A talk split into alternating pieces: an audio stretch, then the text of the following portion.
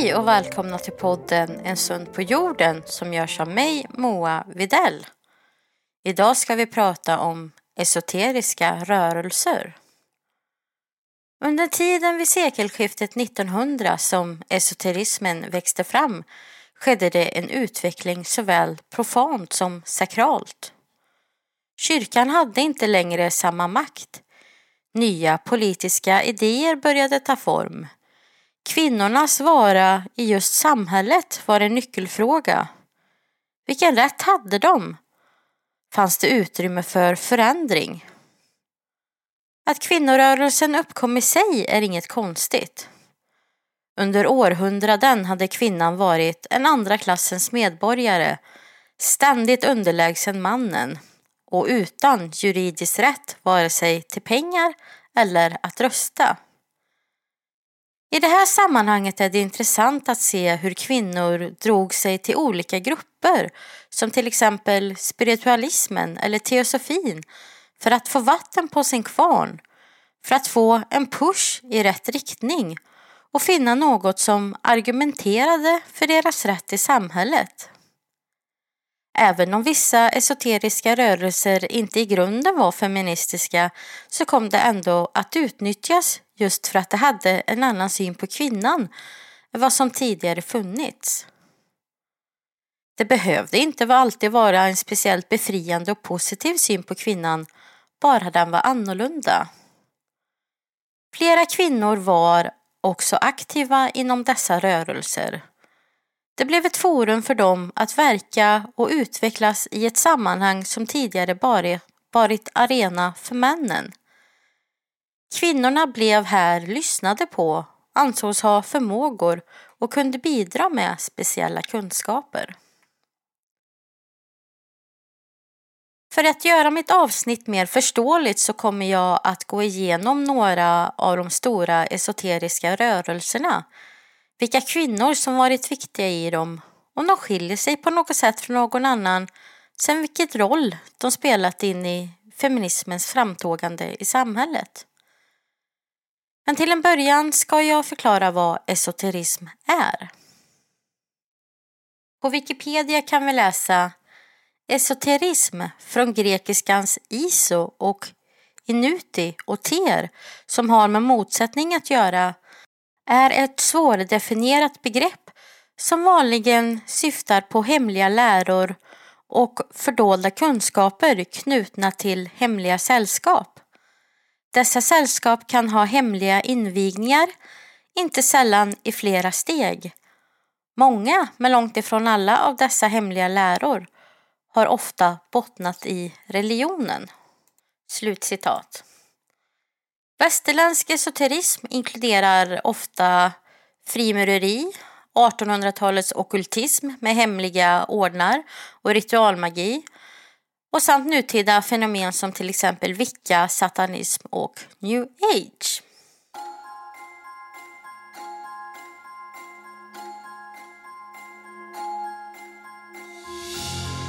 Spiritualismen Spiritualismen uppkom på 1800-talet i USA i delstaten New York. Där bodde två systrar med efternamnet Fox som ansåg sig ha en förvånande förmåga. De kunde nämligen kommunicera och få kontakt med döda människor. Allt började med en kontakt med en död man som bott i deras hus. Detta spann vidare och blev mycket spritt i USA.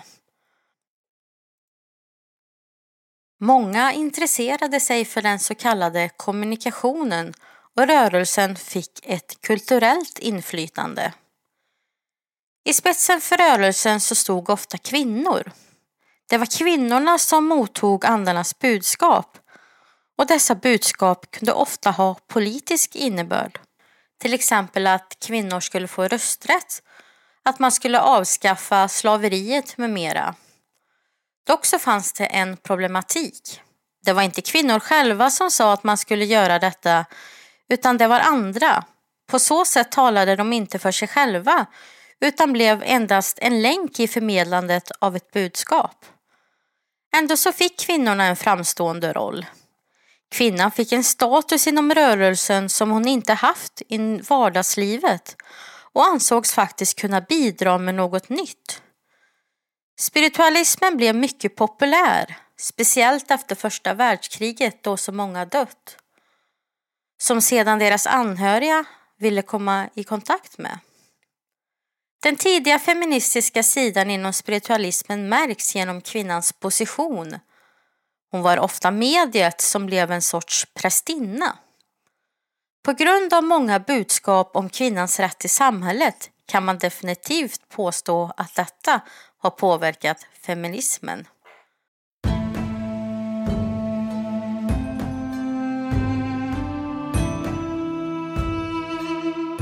Teosofin i Nationalencyklopedin kan man läsa följande. Teosofin består av ett tankesystem som utgår från ett universum där allt ifrån atomer till galaxer är en sammanhängande helhet vars olika delar betingar varandra och hålls ihop av samma universella livsskapande verklighet eller urgrund, Gud.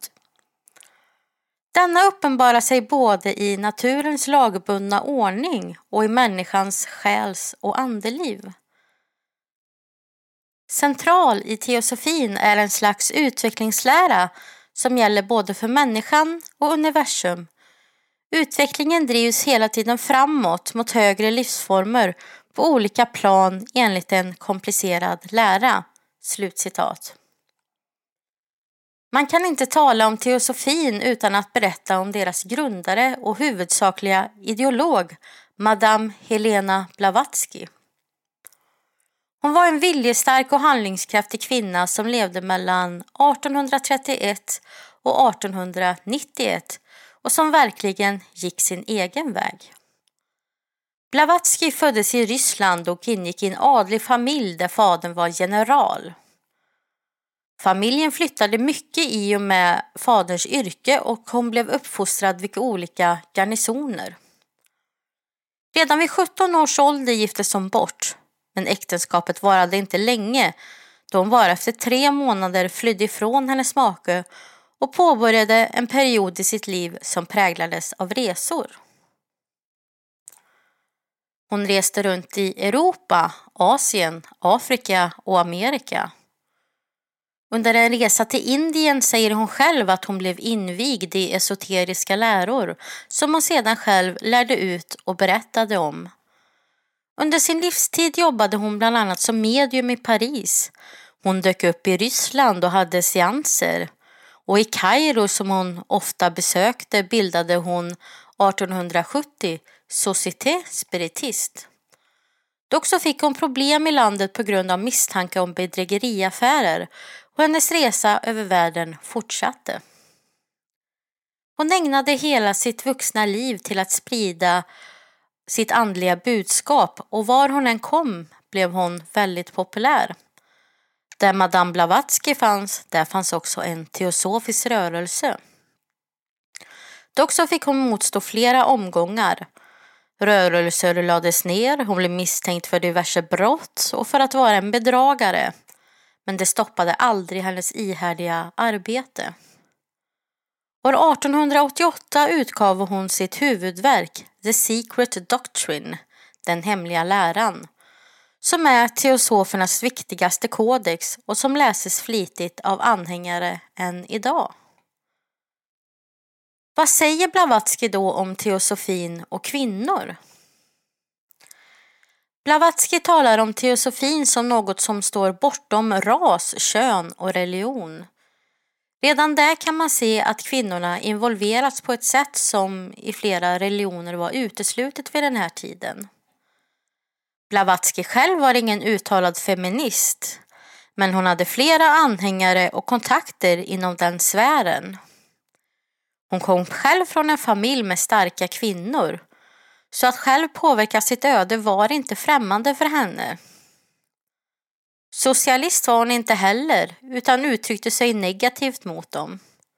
Och något som utmärkte Blavatsky var hennes skarpa kritik mot kristendomen. Man kan säga att hon fördömde den. Kristendomen stod på den här tiden för ett starkt patriarkalt inflytande. Hon gör också en omtolkning och omläsning av tredje Moseboken som blev väldigt uppskattad bland feminister. Mycket fokus läggs på Eva och den förbjudna frukten som hon äter av, att hon blir en synderska. Istället läggs bilden av Eva fram som en hjälte som äter frukten som ormen erbjuder. Man vill således skapa en motmyt och förändra de patriarkala straffen som kvinnan oförtjänt fått via att hon åt av frukten. Flera feminister inspirerades av Blavatsky. Elizabeth Stanton ger sig på ett projekt att analysera alla delar i Bibeln som handlar om kvinnor, till exempel. Och inom teosofin fick flera kvinnor ledande roller och den spred sig snabbt inom flera samhällsklasser. Blavatsky skrev också om Satan. Även om hon inte la ner någon större möda i hennes material på honom så får ändå Satan stå för en sorts spirituell vägledare. För kvinnorna hade Blavatsky en viktig roll, dels genom att hon själv var en framgångsrik kvinna men också att hon banade väg för fler kvinnor Dels genom att innesluta dem i teosofin och ge dem höga besittningar men också genom att inspirera till ett eget självförverkligande. Jag skulle vilja sätta teosofin på en speciell pedestal då den skiljer sig en del från de övriga. Först och främst att de hade en kvinnlig grundare och huvudideolog samt att den gett så många ringar på vattnet i och med att många kvinnor blivit inspirerade av dem.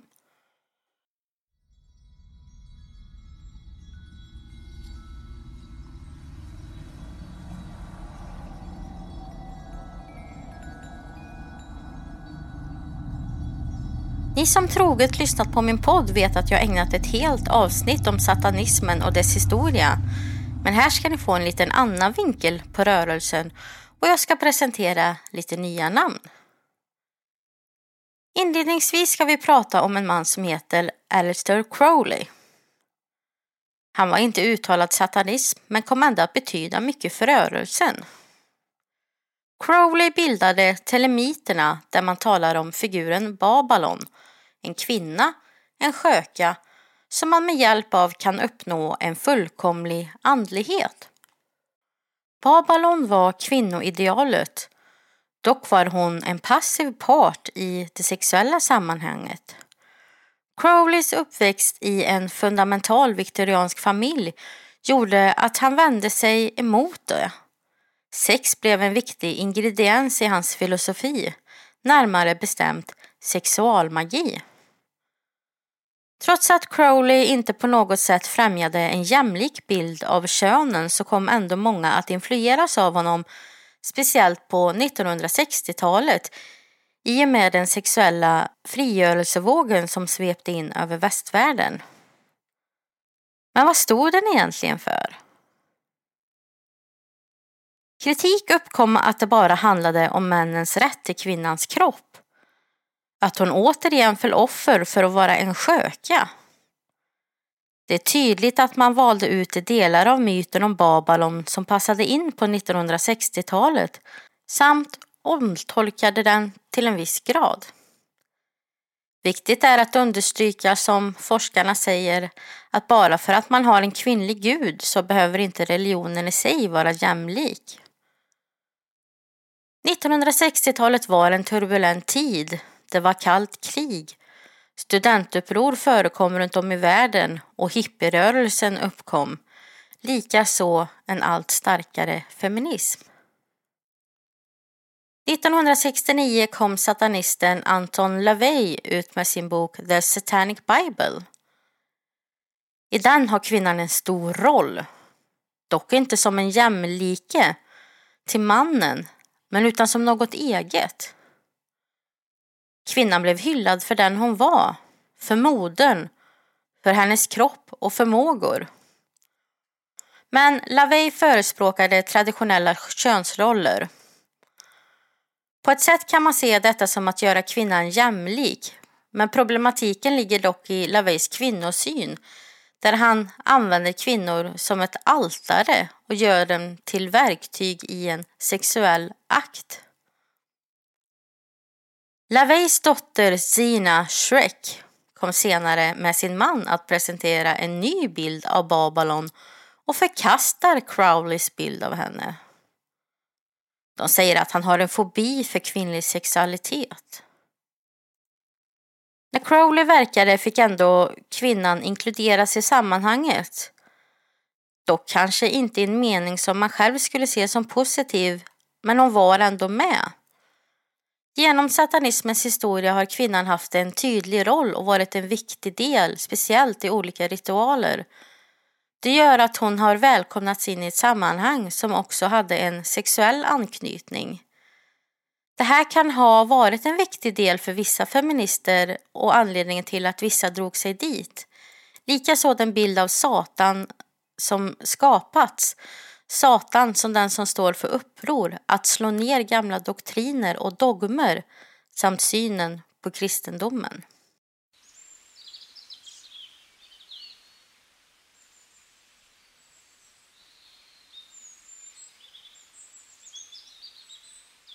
Antroposofin Antroposofin grundades av Rudolf Steiner som började i Teosofiska sällskap men som frigjorde sig år 1912 och skapade sedan sin egen livsfilosofi.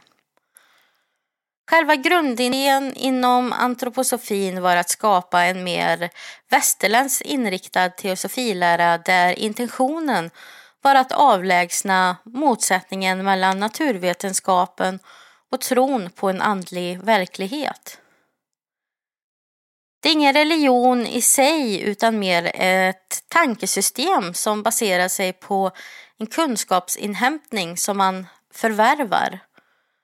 Och längs den här vägen kan en människa få kontakt med de högre världarna som i sig har svaren på de vetenskapliga frågorna. Antroposofin är en invecklad livsfilosofi som de flesta esoteriska rörelser är. Men den här har överlevt starkt in i våra dagar och syns bland annat i flera skolor där man använder Waldorfpedagogik. Och inom pedagogiken är rörelse och konst bland annat viktig. Det finns också antroposofisk inspirerad arkitektur, odlingar, kulturella verksamheter med mera.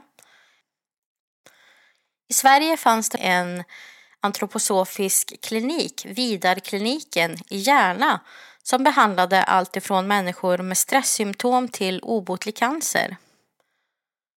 Patienterna fick ofta okonventionella behandlingar med mediciner som inte godkänts av Läkemedelsverket. Medicinerna var ofta växtbaserade. Andra metoder för läkning har varit att utföra rörelsekonst, konstnärliga terapier, insmörjning med mera. Eftersom att eh, flera av klinikens mediciner inte är godkända så har de behövt söka om speciellt ekonomiskt stöd ifrån staten för att kunna utföra sin verksamhet. Men 2019 drogs allt stöd till slutgiltigt in och kliniken fick stänga. Till en del människors förskräckelse. Många människor och framförallt läkare har dock under åren kritiserat den antroposofiska inriktningen som de anser förvillar människor och medicineringen istället skapar mer problem eller kan vara helt verkningslös. Likaså har Waldorfskolan i Järna utsatts för massiv kritik efter SVT-dokumentären De utvalda barnen där före detta elever vittnar om mobbning, övergrepp och elitism. Det finns inte så mycket att säga om antroposofin och feminism. Steiner talar nämligen inte alls så mycket om kön utan om människan. Det är människan som står i centrum och den mänskliga högre visdomen. På så sätt inkluderas också kvinnor i den, vilket kan ha haft en viktig roll i att kvinnor kan ha känt sig välkomna i rörelsen. Antroposofin är en rörelse som idag både präglas av män och kvinnor. Och antroposofin skiljer sig på ett sätt ifrån de andra rörelserna som vi pratat om då den går in i nästan varje aspekt i en människas liv. Allt ifrån mat till skolgång och medicin. Trots det så finns det antroposofiska rörelser runt om i världen och det lär finnas kvar under en lång tid framöver.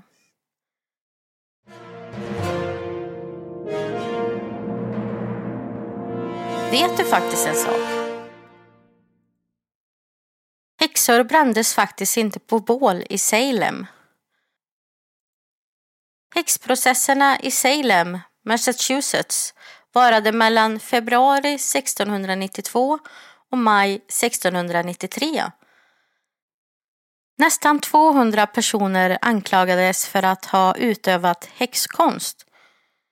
Kvinnor, inklusive hemlösa, äldre och en fyraårig flicka. Majoriteten fängslades och några hängdes. Men ingen av dessa människor brändes någonsin levande. Tack för att ni har lyssnat på veckans avsnitt och jag hoppas att vi hörs snart igen.